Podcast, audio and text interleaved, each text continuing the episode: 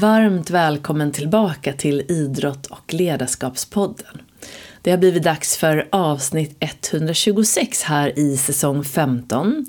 Och i det här avsnittet är jag otroligt glad att få presentera en av världens absolut främsta fotografer, nämligen Chris Burkard. Och jag är extra ärad att ha med Chris här i den här podden. Han är en otroligt eftertraktad person från USA ursprungligen men som idag bor främst på Island. Han gjorde ett väldigt känt TED-talk redan 2015 när han också eh, började bli känd för sina fotografier för till exempel surfare i otroligt kalla miljöer som till exempel på Island. Han har bland annat gjort den här filmen Under the Arctic Sky. Och eh, han berättade i det här TED-talket och som jag då såklart också frågar honom om här i podden om hans så kallade crusade against the mundane som man kallar det, eller hans korståg mot det vardagliga. Han flyttade från den här varma härliga miljön i Kalifornien till att börja helt enkelt fota och fotografera surfare men sen också naturen i mycket mer karga och kalla områden. Idag brinner han för att sprida bilder och fotografier på våran vackra värld för att vi ska förstå hur värdefull den är så att vi kan vara ännu bättre på att bevara den. Han är en fotograf som också har mycket workshops, han lär ut sin, eh, sin konst till andra i workshops. Och vi kommer att prata mycket om det här med mental styrka och vad det är som driver honom och vad han tycker är viktigt när det gäller balansen också mellan det här med välmående och prestation. Och en hel del mer. Och eh, jag har inte själv träffat Chris. Han var ju, nu träffade jag honom, vi var, han är med på Zoom då från Island. Men anledningen att han är med här i podden och att jag eh, fick upp ögonen för honom så att säga. Det var redan, det var där runt 2015 ungefär. Eh, där jag också började skriva min egen bok Stolt, stark och säker. Och där finns ju ett kapitel Eh, till den mentala träningen. Och eftersom jag såg sådana fantastiska bilder som Chris eh, tog då med oftast en person i bilden och det för mig stod väldigt mycket för det här med mental styrka och, och så. Och då önskade jag en bild som jag, från honom som jag kunde använda i, mitt, eh, i min bok då, till det här mentala träningskapitlet. Så jag tog kontakt med honom och Chris har ju då över 4 miljoner följare på Instagram så jag trodde ju inte direkt att jag skulle få svar. Men han svarade och eh, jag fick kontakt med hans eh, eh, administratör eller hon managern som tog hand om foton. Och eh, nu, nu ledde det inte till att jag använde just det här fotografiet i boken. Men jag har en hel del av hans foton på mitt kylskåp. Och det ledde också till att jag började följa honom och fick en liten dröm att jag skulle bjuda in honom hit till podden. Och han tackade då till slut ja och nu är du på väg att få lyssna på vårt samtal. Det är på engelska, men jag hoppas att det är okej för dig. Jag hoppas att du får njuta av Chris fantastiska inspiration och hans förmåga att eh, sprida både glädje och kärlek till alla som han kommer i kontakt med. Och eh, till det här avsnittet så vill jag också presentera Daily Sports som sponsor. Och eh, vi har ju ett samarbete sedan i år, nu i september 2023. Och det är jag mycket glad för. Och eh, snart kommer ni få träffa VDn för Daily Sports här i podden också. Tills dess så kan du gå in på deras hemsida www.dailysports.se och lära dig lite mer om dem. Och eh, vill du sen köpa någon av deras eh, högkvalitativa kläder, antingen golfkläder eller friluftskläder, så använder du koden Jenny15 så får du 15% rabatt. Så tack till Daily Sports. Och med det sagt så önskar jag dig en fantastisk eh, skön stund och trevlig lyssning. Och eh, nu kör vi!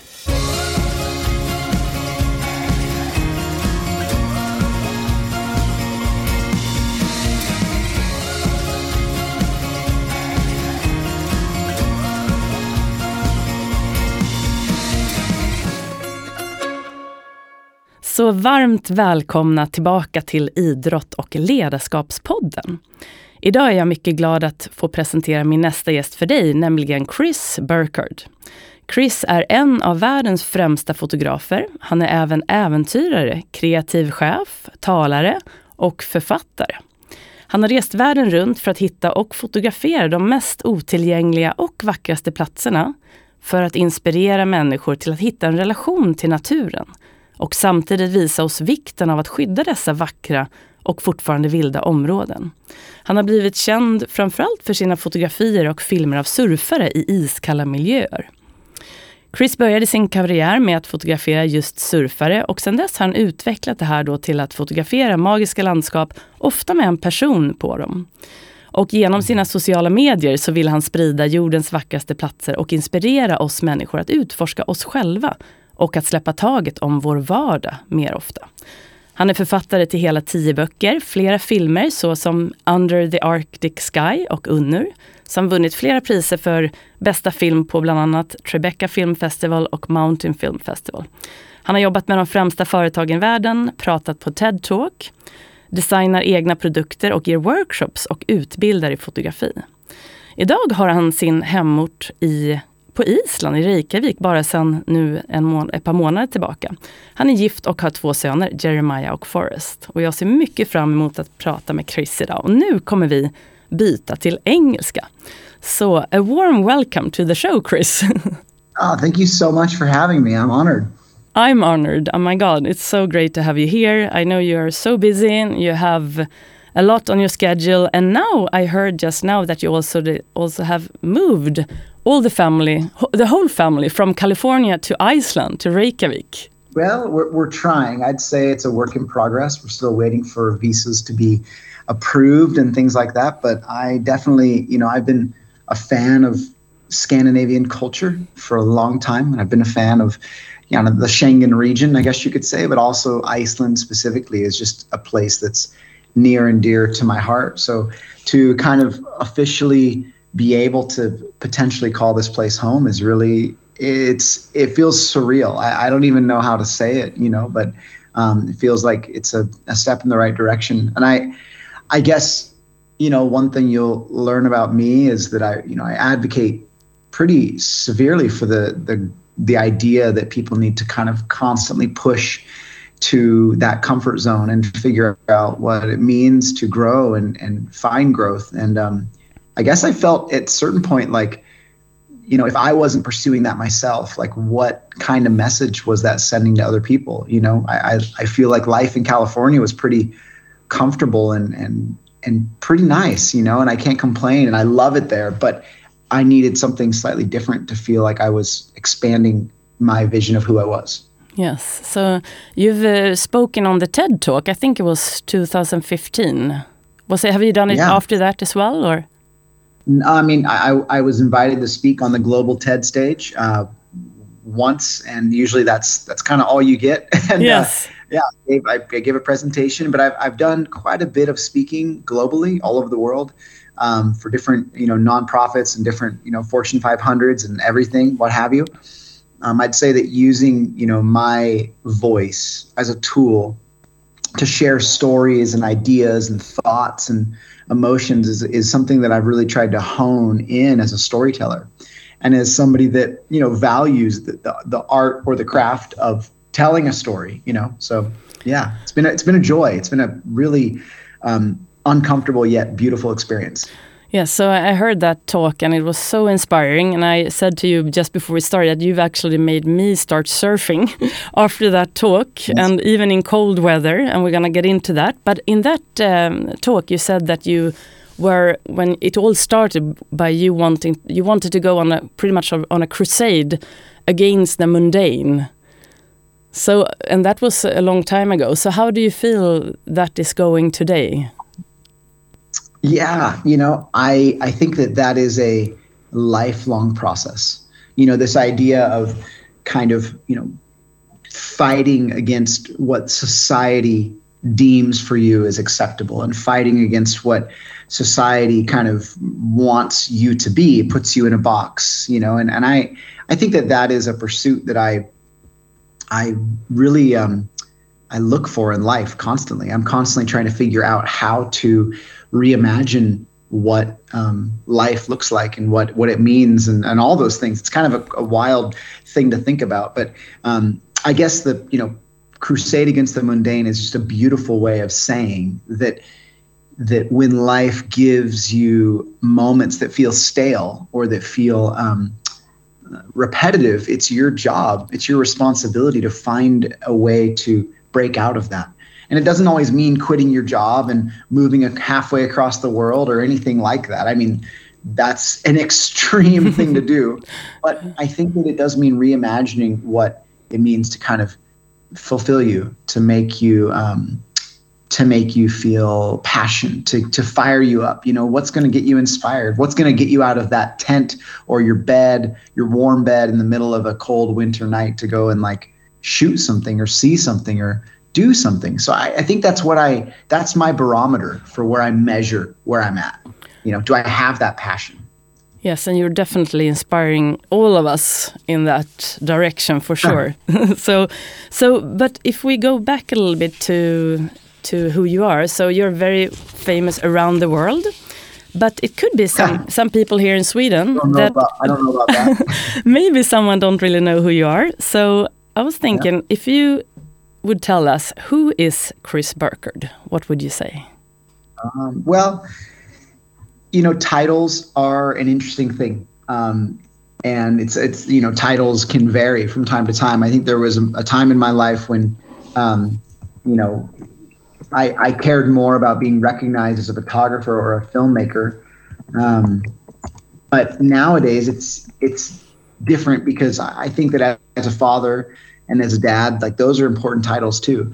So my work for the last 20 years has really been focusing on you know documenting landscapes, people, action sports in some of the more remote and wild corners of the planet. And it's taken me everywhere you can imagine. And I've really poured a lot of passion and energy into um, exploring these off the beaten path places, places that I deem as as really um, uh, you know kind of the ends of the earth, distant shores, so to say.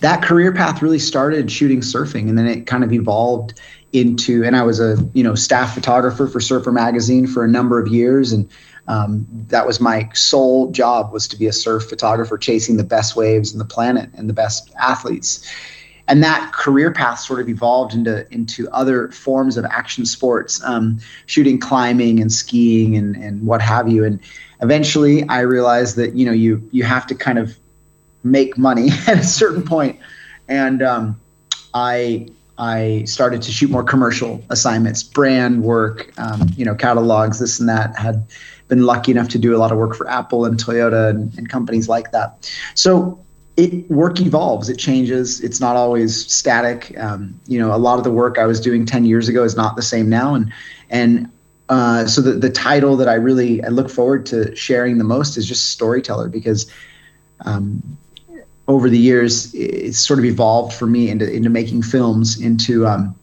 teaching workshops, into sharing my craft and photography. But I think at the root of it all, I just I love telling stories and ones that are meaningful and ones that are important and or ones that advocate for voices that maybe aren't often heard a lot or um, are somewhat you know um, uncelebrated so those are the things that I, I dig into and i really love and sometimes that's about a landscape a remote place sometimes it's about a person sometimes it's about a, a people you know it just depends on on what i'm after so yeah so how so you started to go a lot to Iceland, right? Is that where you recorded or filmed Under the Arctic Sky, this movie that you did? Absolutely. did? Yeah. Yeah, it was the winter of 2015 and 2016 um, in Iceland, in a remote part of Iceland, in the uh, kind of north or the west corner. Yeah, so I've seen that movie and it's just incredible. And I know that you had a picture on the TED Talk again when you're, you know, in your uh, wetsuit and you're freezing and, you know, you don't look like you're so comfortable, but you said that that was the most happiest, you know, one of your most happiest moments being in that yeah. kind of rough environment. So how did you end up you know doing those things in those harsh environments where the the ice the water is so cold just coming up with that idea was it the waves or what made you go to to those ice cold areas to do the surfing shooting excellent question you know in my ted talk i I sort of dive into that in probably a more eloquent way but but really um, I felt like I was, you know, as as dreamy and as exciting as as the, career of surf photographer is, um, chasing you know athletes around the, the world to these tropical and beautiful destinations. I felt like I was um, underselling my ability to be creative and my opportunity to share more remote and unique places. And and I, I got so fed up that I just decided like I'm not going to keep traveling to, you know, Australia, Tahiti, you know, uh, Nicaragua, because those stories had been told. And um, and it, at times you you know you're shooting on the beach and there's a high rise hotel behind you and the Wi-Fi is really strong and the food's great and you just your sense of adventure is lost. And when your job is to sell a sense of adventure, you feel inauthentic in doing so. And so I I started to look at other places. I started to realize that you know more than you know half the world is covered in cold water and if I really wanted to go and explore and see what was out there, I was going to have to start digging deeper and and putting more on the line. And so, what was interesting is that in doing so, the process of taking photographs and telling stories began to um, carry more responsibility. It began to feel like an actual job. It began to feel like I was risking something to do so because I was, you know, again, mm-hmm. maxing out credit cards. I was, you know, like getting on a boat in the middle of nowhere to go to this far off place. There was a lot that was becoming more valuable um, in the process of taking images. And in turn, the images became more valuable, they became more meaningful. You know, when you look at a photograph, that you kind of suffered for. And i don't i don't mean that in like a masochistic way. I mean that in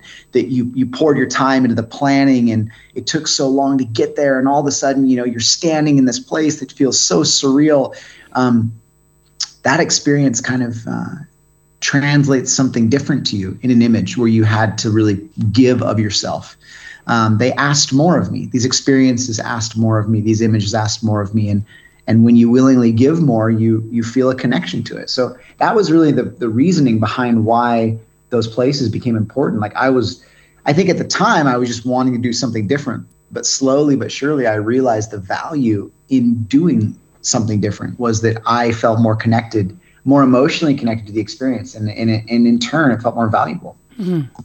Yeah, so when when I saw a little bit about the background, you had a movie about the background around filming this uh, under the Arctic sky, and there's this. I think it was a surfer, a photographer. He's like, well, coming from Hawaii, going to this, but uh, and then the crew was like, well, you know, Chris says it's possible, and we just want to follow him, and they were all so excited, and then you were trying to get this wave under the the surfing the surfing shots under the northern lights and you were hmm. waiting for that perfect shot you know?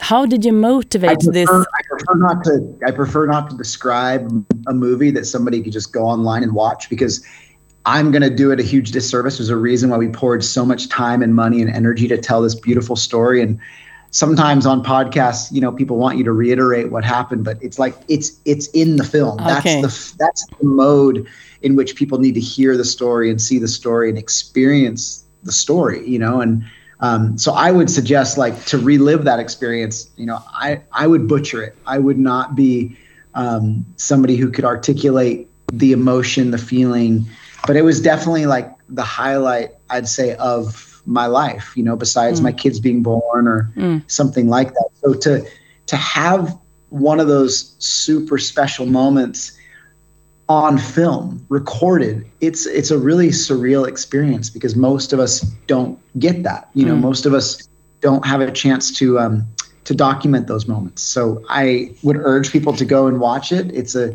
it's something that's i'm still really proud of um, it definitely tells a story about friendship and you know, kind of achieving the impossible against all odds. And yeah, yeah such a good, I'm happy uh, with uh, good advice. And I think we made everyone want to see it now, so that's good.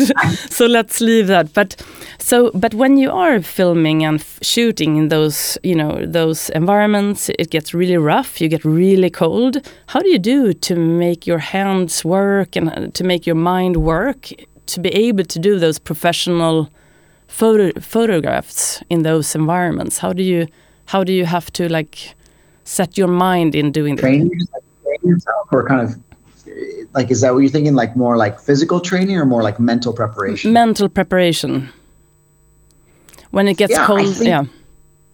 Yeah. I think it's a it's an interesting because it's different for everybody a little bit. Like definitely um it feels at times like you're going to battle. You know you are kind of uh you are in the situation, it's traumatic. You know, when you have the wind just howling, I mean, you you know what it's like. Sweden can get very cold. It can get brutal at times, and and Iceland is no different, or or Norway, or the Faroe Islands, or or anywhere that I've been, Alaska, what have you. Like you're going to deal with these harsh conditions, and I think that it's a tough place being in California halfway across the world where the weather is you know always 30 degrees celsius or yeah. you know whatever to prepare yourself. So I think that there is an emotional um, preparation that needs to happen. And, and this is going to sound kind of odd, but for me, a big part of that preparation is that when I'm home, um, I'm really like taking time to like give back to myself. Like this idea of self care, yeah. it looks different for everybody, but for me, it's like about finding time to exercise, finding time to meditate, going to yoga, eating the right food, spending time with people that are uplifting. Um, because when I'm on a job or when I'm on an assignment, I'm giving 110%. I'm not necessarily like FaceTiming my family every day or like getting that emotional connection that I need just because the, the distance and the location doesn't allow that always. So I've found that trying to really prepare oneself for like what that's going to look like, what that's going to be, that's really crucial to me. And, and something that I, I feel like is kind of a, um, it's kind of just a, important way to prepare yourself for what the job or the location or the landscape or the weather is going to ask of you.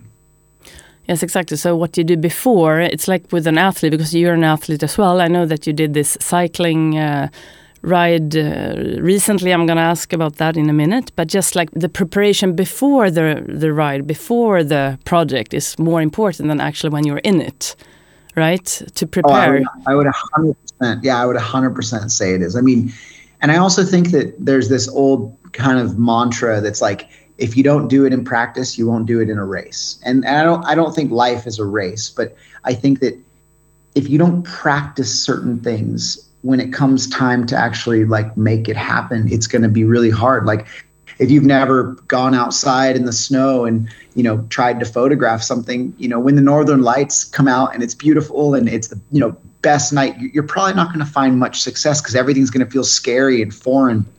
So for me a big part of kind of getting these moments that i'm really proud of um, it was about shooting them on personal assignments. It was about kind of assigning myself the job or the the the, the sort of um, giving a mock you know assignment to myself so that I could synthesize the experience so that I could practice the experience so that I wasn't shocked right? It's like if you want to become a good water photographer somebody who swims around with a housing you don't jump into 10 foot waves and do it. You you do it sometimes in a pool sometimes in a beach when it's small. You practice in places and you kind of figure out how to make that work for you you know? That's mm. kind of the, the biggest yeah what's the biggest challenge that you've experienced in your role as a photographer?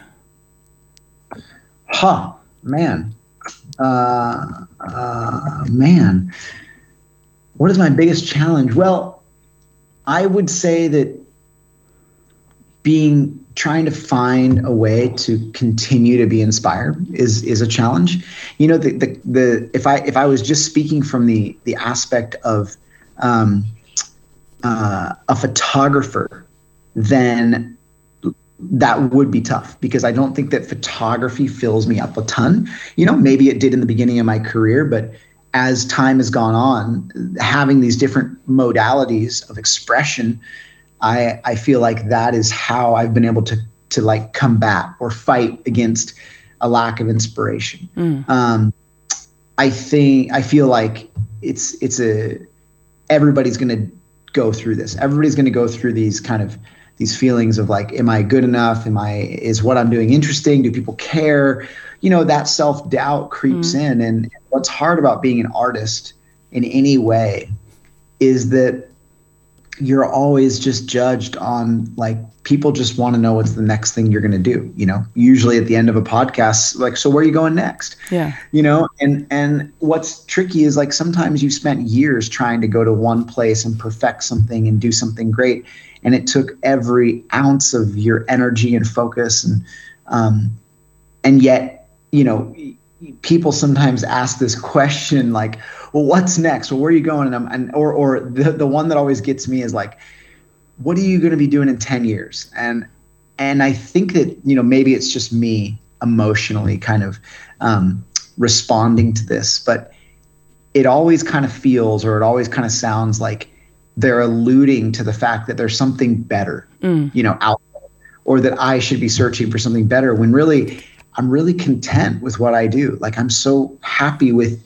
what I get to do for work that if I was doing this right here, sitting on this podcast in 10 years, I'd be stoked because that means that somebody cares about my story or somebody cares about my work. And I think that this kind of um, constant need to like be busy is something I've tried to like figure out in my life and tried to um, understand. I know that I'm like veering way far from the question here, but that's just kind of how my mind works, and that's yeah. just kind of how my brain is, and um, I feel like that is sort of how I deem you know challenge is trying to stay inspired in what I do and and, um, and yeah, try to figure out no, but that's beautiful that. because I was I was going to ask you about mindfulness. You know, if you're an athlete or you're a performer or you're an artist like you are, you have your goals yeah. perhaps so you you know you have something that you are going for but that can make you lose the enjoyment of the trip right so i thought you said something about that pain can help you get mindful it's like a shortcut cut to mindfulness and it was like yeah. a psycholo psychologist that you referred to that was saying it and uh, and do you feel that still? That's kind of what you feel when you are in those moments where it's really harsh. That you can be reminded of the importance of being in the now. Yeah, I think that I think that that is a trained trait.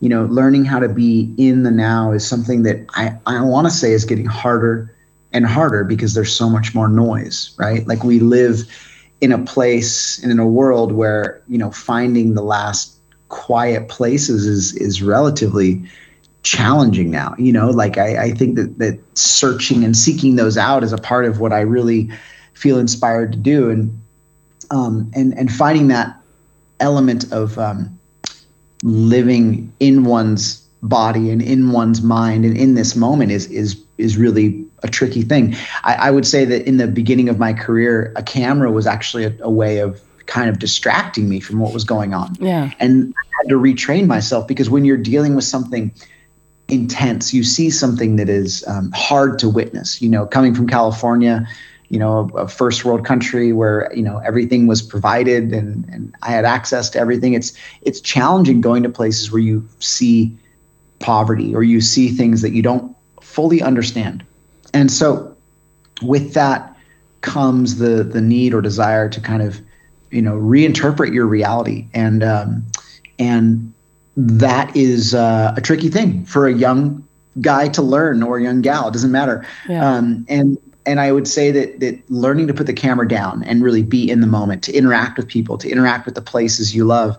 Um, nowadays, I shoot so much less, but what I what I do shoot, I feel more passionate about. I feel like I'm I'm not um, documenting just to docu just to document. I'm um, intentionally picking up the camera when the moment feels right, and I'm trying to like listen to myself, which is which is an important part of the process. Yeah.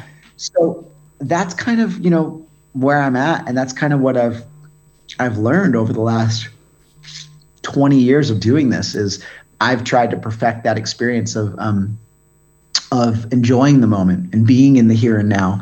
It's actually a part of why I decided to move to Iceland because I, this is a culture that is, to me, less obsessed with um, trying to get ahead, trying to, you know, trying to kind of, um, you know, do better than the person next to you or whatever it is. Mm. Um, there is a real uh, kinship between the people and a real concern for your neighbor, and um, that's important. Um, I think that the competitiveness that exists where I come from is um, it's it's stifling, you know. Um, so mm. I don't know. I mean, that's just a little bit of info yeah. for you. No, but that's great. So my reflection is that you're very transparent. So I follow you on Instagram. You have a lot of followers there. And you are mm. so good in sharing, being transparent about both your successes and also if you do a mistake or something that you've learned from. So this takes a lot of courage, I think. So how did you, how do you think that this, that you learned how to be so transparent? Uh, that's a great question, and I'm I'm truly honored that you would you would say that because I think that being transparent, I like to use the word vulnerable. You yeah. know, there's a vulnerability to um, people who I think have spent a lot of time thinking about their life choices, their actions. In fact, I've never really considered myself somebody that has learned um, super well from others' mistakes. And what that's left me with is um, my own mistakes. I've had to learn from my own, my own choices, my own mistakes, my own things. Um, and so that has given me the the time to kind of reflect. Like if I want to better myself, better my craft as an artist, as a whatever, I've got to look back and figure out how did I do this wrong?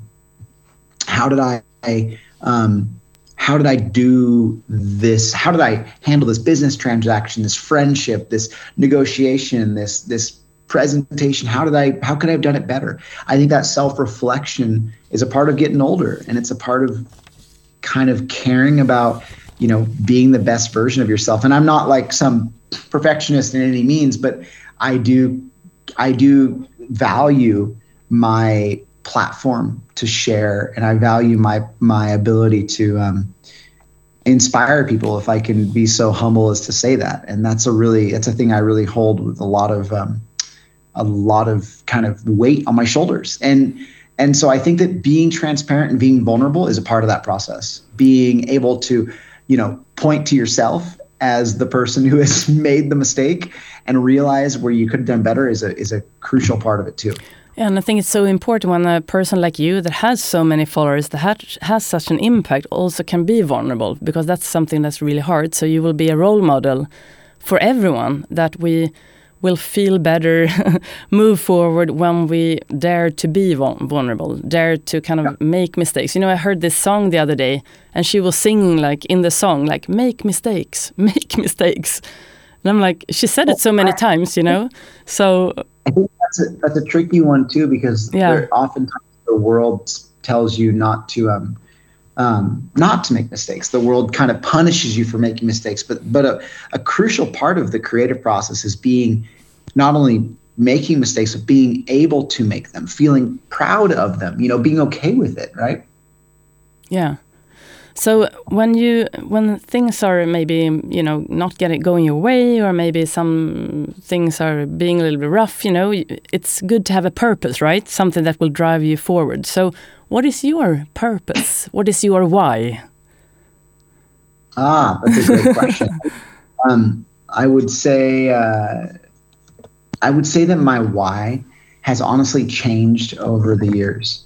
Um, because I think that why I did what I did or why I um, why I chose to like pursue this path in the beginning has evolved, right? Yeah. Um, I think that when I picked up a camera um, at like 19 years old with the intention of purely traveling, it wasn't about protecting places. It wasn't about speaking for, you know, um, you know, lifting up voices that you know needed that or or even like telling meaningful stories. I was just a young kid from California who'd never traveled, didn't own a passport, had never been on a plane, and I wanted to see the world. And I think that's enough. You don't have to nobody picks up a camera being like I'm going to pursue altruism, you know, like I'm going to find a meaningful goal here like it's it's okay just to have a desire to be um, you know to express oneself in fact that's how that's i think that's a very honest and very vulnerable like thing nowadays you know? I, I almost feel like there are artists who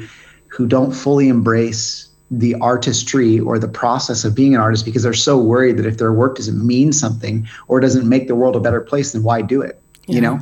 Um, so my why has evolved. Nowadays it is more about um, you know being inspired by uh, you know telling a meaningful story or um, speaking out against um, some kind of an environment or foreign environment that needs protection and and or finding a, a, person or a place or a thing that I could use my voice to help. So so those are the key things. I would say that you know throughout my early parts of my career, I, I was really inspired by you know my mom and the sacrifices she made to have me as a single parent, and so I I really was driven to be the best I could be because I wanted to prove to her that you know her sacrifices were worth it mm. or her you know, and and and I don't know if that's like the healthiest thing, but I do know that um, I do know that it was a major driver for me, and it still is. Like I still I still desire to be that to the people I love, you know, somebody that makes them proud. But I think that you know, um, if I'm being transparent, I think that some of that was rooted in like self worth issues and things of that nature. So nowadays, I think my um, my why has changed. It's evolved. You know, I also want to be like. Uh, a good role model to my kids, yeah. somebody who, you know, shows them a good example, who cares for them and and prioritizes them, makes time. Like, um, not only somebody who can be an artist or or you know chose a risky path and and how amazing that is, but also just somebody who like supports their ideas, who um, champions them. I feel like that's kind of my role nowadays is even with younger creatives being a, a, champion for them you know being able to lift them up. That's so cool to do. And and this sounds kind of silly because i don't think i'm like my career's over but i think you get to a certain point where you you get more joy in seeing others experience the places that you love than you do yourself. You get more joy in seeing others um, yeah. nail the shot or tell the story they've always wanted to tell you. You get more joy in others kind of successes than your own you know. Um, but i still got to put food on the table and i still got to you know do create you know an income and, and shoot yeah. images and tell stories to do that but you're in a good, such a good place because you've kind of followed your heart at the same time as you've created, you know, uh, developed as a photographer. But talking about yeah. the balance, I know you get this question a lot, but you know, I heard you in, is it called Bikes or Death?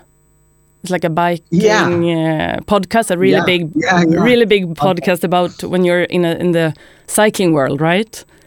And you did yeah, this. Yeah, classic. That's so funny you listen to that. I love that. Yeah, I know. I have a friend who's so much into cycling, and he he he oh, knew okay. you as a great cyclist athlete. He didn't know that. Oh he, did, he did not not know that you were like such a good great photographer. So I was. It was so funny to talk to him. But anyway, so I heard that. That, that, make, that makes me smile inside. Yeah, you're so. an athlete. Like for him, you were like a total athlete. You know, doing the cycling, and you've you've done some records, right? World records. And uh, uh, yeah, I've, I've, I've tried to push myself in some ways to uh, accomplish a few sort of silly things in the past um, yeah. for fun. So yeah, it's uh, it's been a real joy. I mean, riding a bike is for me like it's just one of the ways in which you get to experience a landscape very meaningfully and um, very intimately. Like it's kind of like you know, if I if I could make this example, it's like you know you have this toolkit, and you have all these tools, um, and and the bike feels like one of them in which you can pull out and kind of experience a place in a new way. I love the slow aspect of kind of moving through a landscape and feeling it, seeing it, being subjected to like the weather and the wind and all those things. Yeah. So you did this. It's called the Tour Divide this year, and it's like a yeah. really long tour cycling uh, tournament, right? It's uh, yes. Is it like eight? How far? How how long did you go? Was it sixteen days or fifteen? 4,300 kilometers, and yeah. I, I I raced it in sixteen days, just over sixteen days. Yeah. And um, yeah, it's a. Uh, yeah, I mean, um, what did you learn? It's funny because because I'm I'm not particularly proud of like my time. I wish I could have done it faster. I wish I could have done it, you know, quicker and whatnot. But um, I learned so much from the process, um, and um, it's something that I, I really value and and and and loved the ability. Like I, I'm grateful that I gave myself the time to train and to do it, and um, it was a monumental thing, like a life goal. And I I feel like when I did it, I was scared, you know, like I was feeling the heaviness of the decision to, to choose to do this. I felt all the emotions, like I was, you know, a bad father because I wasn't spending time with my kids and yada, yada, all these things. And ultimately, to give yourself that gift is a privilege. And I just, I felt so lucky. And I, I raced it and it was fun and I learned a lot and um, struggled. And uh, yeah, yeah, deep, meaningful conversations with myself. So yeah. So yeah. what was your biggest learning from being by yourself for that long? You know, just or also being, you know, in this, you know, meeting your when it's like fear. You know, you think they're gonna give up, perhaps. And what did you learn? Do you think mostly about yourself? Um. Yeah, you know, uh, it was a range of emotions. You know, doing an, an event like that, you go through the entire range of emotions. It's hard to pin down the one thing, you know, like the kernel of truth. In fact, I don't even think that I will figure that out in the next six months or the next year. I think that it will take me years to figure out what it was from that experience that I really learned or I really gained. You know what I'm saying? Yeah. Um, there are times where, like, I think that those uh, those types of trips they teach us so much and they take us through such a, a spectrum that we just kind of have to sit back and, and pick off little pieces. I definitely realize that like that, you know, when I'm in those moments and I'm out there kind of on my own, um, I definitely feel very complete, very happy. It makes me feel very um, proud of myself, you know, to to start and finish something. And um, in the moment, it's it's always funny because I in the moment you're like, this is never going to end. This is the hardest thing ever, and then it does. And you look back months later and you're like, that was like that. You know, most of life's struggles or trials they are pretty short. You know, I mean, of course there are some that are not, but for the most part, they are. They they are over in the blink of an eye. Yet we we dwell in them so long, and we make them out to be something so much bigger and I feel like that experience really taught me to kind of continue to push, continue to move forward, continue to to um, pedal, uh, you know, and yeah. um, the the sense of like um, the self reliance from those experiences. I guess that's what I look for the most. When you are doing some kind of an ultra endurance, anything, you know, running or swimming or whatever, um, I'm going to try to tell you, like, tell you this in the most clear way I can because it's the thoughts feel kind of jumbled, but you know, you feel a sense that you are returning to the most primal version of yourself. And what I mean by that is that all of the superfluous things of life feel meaningless. Your text messages, the the Instagram this and that, the work things, the yada yada yada. You you don't care about those things. I mean, you you do somewhere, but when what you need is water, food, sleep, shelter, and you are asking so much of your body, um, you return to this very primal version of you and it's it's wild like you can see somebody and like their smile or their pat on the back or their them offering you the most simple thing like water it's enough to like pull you pull the emotion out of you and you feel um, raw you feel very raw and that is hard to find it's hard to find in a day and age where all the things that we want are like this quick, you know, or Instagram, you know, or, or Google, you know, you need an answer to yeah. something, it's right here. Yeah.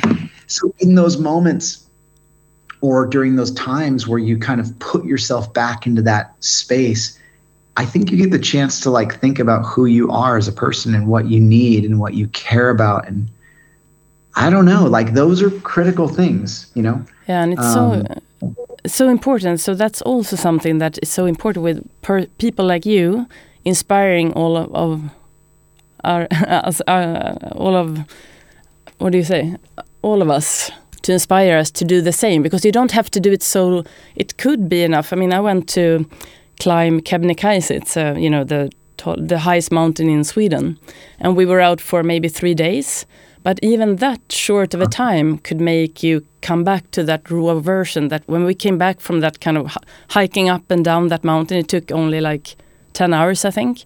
But coming back down, it was, like you said, was the water and just having a, a bed to sleep in. And we've been out for maybe three to four days at top in tents. So you don't have to do it so so many days to get back to that raw version. And uh, it doesn't take that long. That's no. what's kind of the part that really blows my mind is like it doesn't it doesn't actually take that, no, that long. It doesn't have to be like a year off from work in order to to, yeah. you know, to find your purpose. It could be like two three days in the woods or in the mountains or maybe go surfing for two days uh, or do mm -hmm. something you can come back to that it's really important so that's why i think your your work or your mission what you spre spread to all of us is so important well i i appreciate that so much i mean i, I at times I don't really know what to say you know it feels like uh, feels like i'm i'm still trying to figure this out myself you know so yeah um no, it's okay. a it's a tricky one. I, I, at times I feel like I still question like is what I'm doing meaningless or, or is it worthwhile or whatever. Um, so worth it. and it. that's that.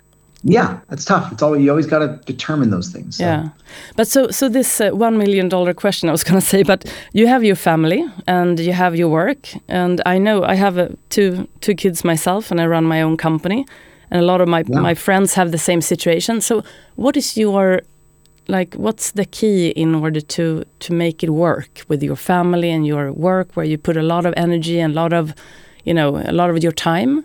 What is the the key to you know to making it work do you think? What is the key? I think well there's a lot to that right? Like it depends on if you're asking about like what is the key to like you know feeling like you're making time for the ones you love or is it you know, making time for your business. And the best way I heard it described is like the the kind of there's a there's a story of the four burners, and I'm talking about like a stove burner, like yeah. four burners on a stove. And if if one burner is family, and one burner is career, and one burner is friendship, and the other burner is health. If you want to be successful, you're going to have to turn down one of those burners to be successful it's either going to be health or family or friends. If you're going to want to be really successful, you're going to have to turn down two of those burners. And you know, this is just a thought experiment. That's all it is. Like I I feel like you know, uh, it's an idea to consider like what does it actually mean to be successful? How do you evaluate that? And I I feel like um, that is the trickiest thing because uh, there were times in my life where finding success in my career was the most important thing, and I I, I definitely um, health wasn't a priority to me, you know, and and friendship to my buddies. You know, I made time for like my wife and my family, and that was it. It was like it was like family and work. That's it. Um, and certain aspects of my life suffered because of that.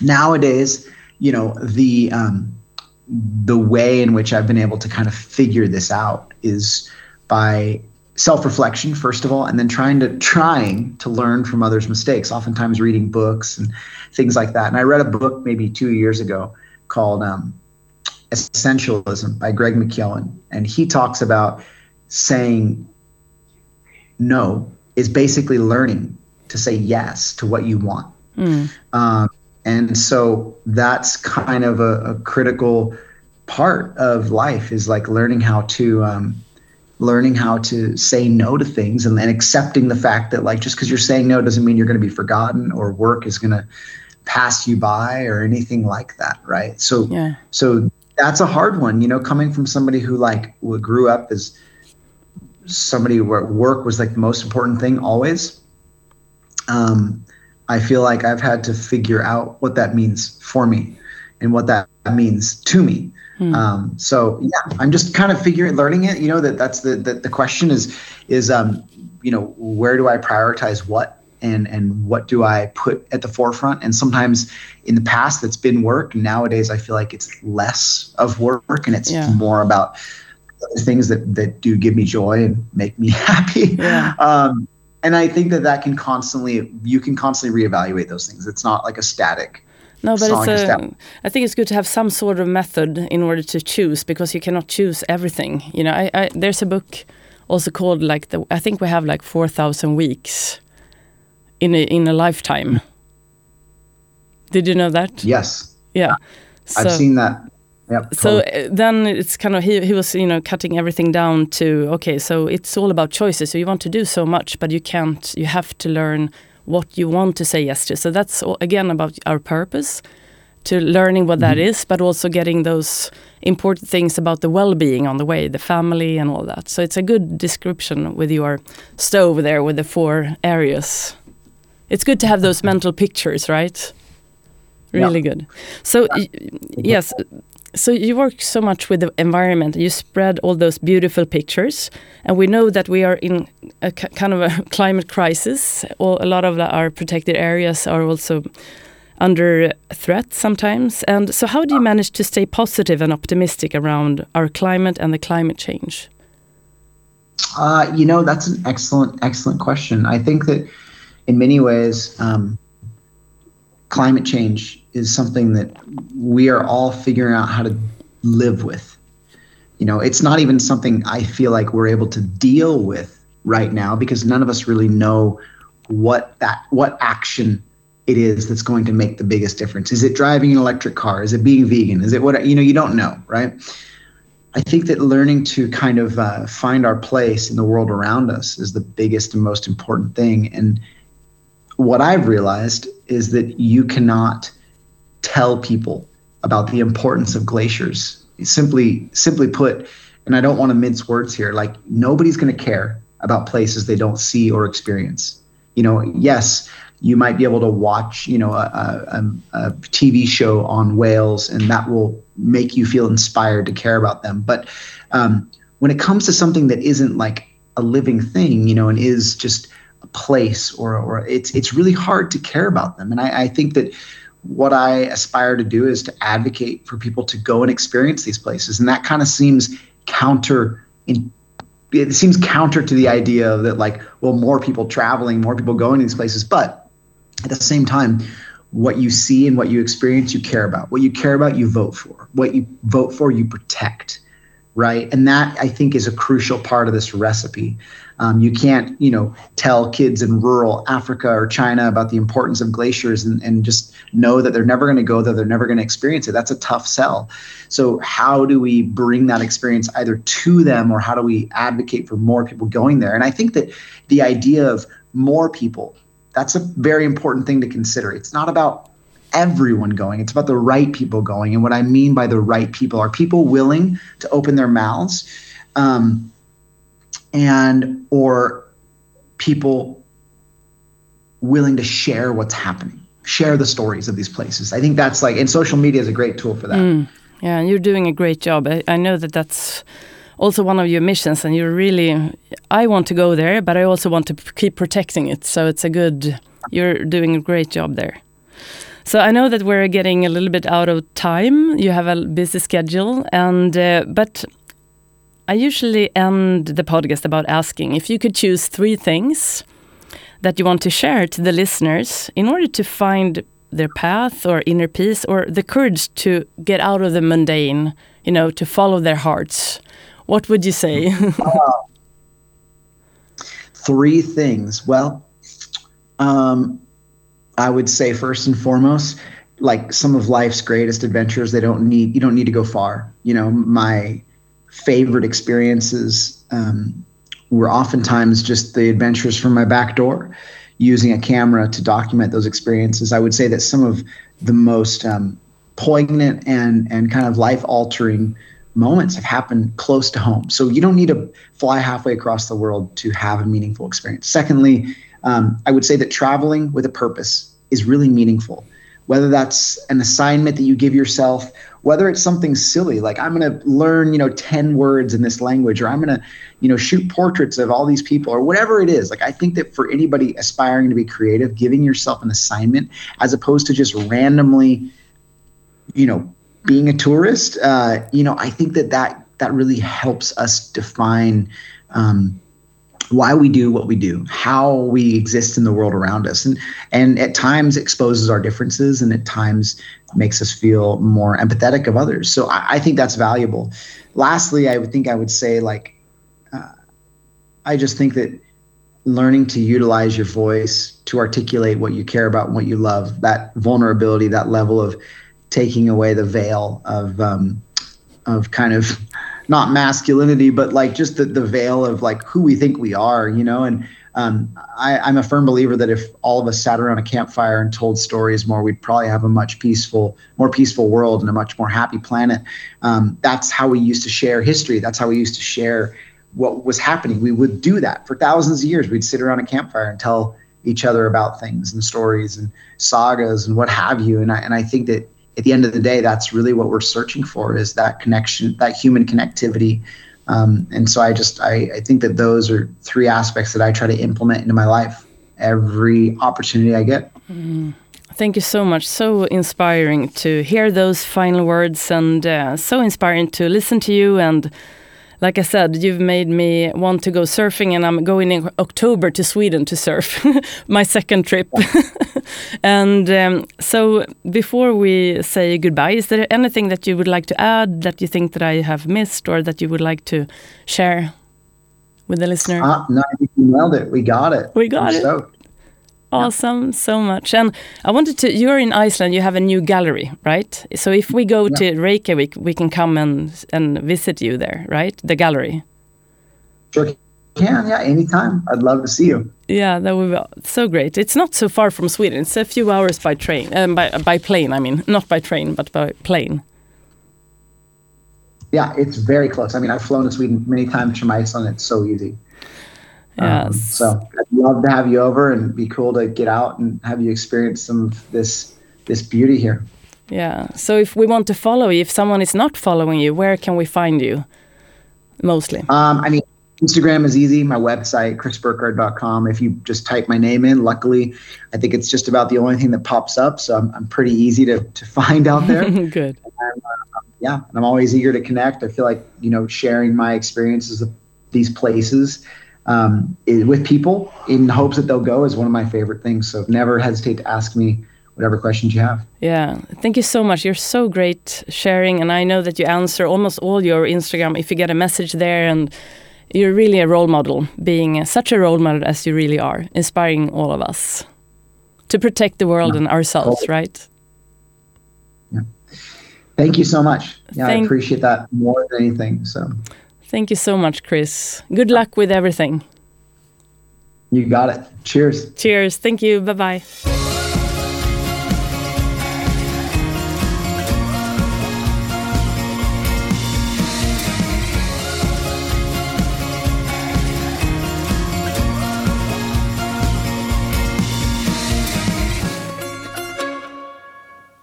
Då har du fått lyssna till mitt samtal med Chris Burkard.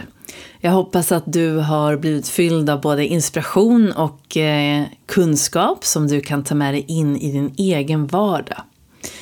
Och så hoppas jag också att du börjar följa Chris fantastiska förmåga att eh, både presentera otroliga bilder eller foton på sitt Instagramkonto men också texten han skriver till de här inläggen är otroligt inspirerande tycker jag. Och eh, han får, de är tänkvärda och eh, ger inspiration för att ta hand om våran värld men också ta hand om oss själva och eh, våga det där äventyret. Och du hittar honom då på snabela Chris Burkard. Och är du intresserad av hans fotokonst eller kanske vill du vara med på någon av hans workshops så håller han ju dem numera i, på Island, det är ju inte så långt ifrån Sverige.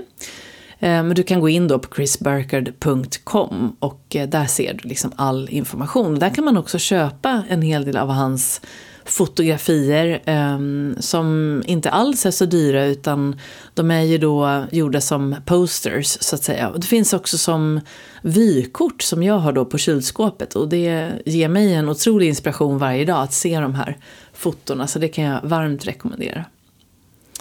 Och Ehm, vill du veta lite mer om vad som är på gång i min verksamhet så går du in på jennyhagman.com eller följer mig då på Instagram snabela Jenny Hagman. Och tack igen till Daily Sports som sponsrar den här säsongen av Idrott och ledarskapspodden. Och snart får du som sagt berätta de, äh, träffa deras VD. Så hon kommer komma här i ett av några avsnitt framöver. Så häng med på avsnittet som kommer. Det finns flera gäster på intåg som är otroliga inspiratörer och eh, både specialister och ledare och idrottare. Och med det sagt så vill jag önska dig en fortsatt skön dag eller kväll. Och så hoppas jag att vi ses här snart igen. Ta hand om dig. Hej då!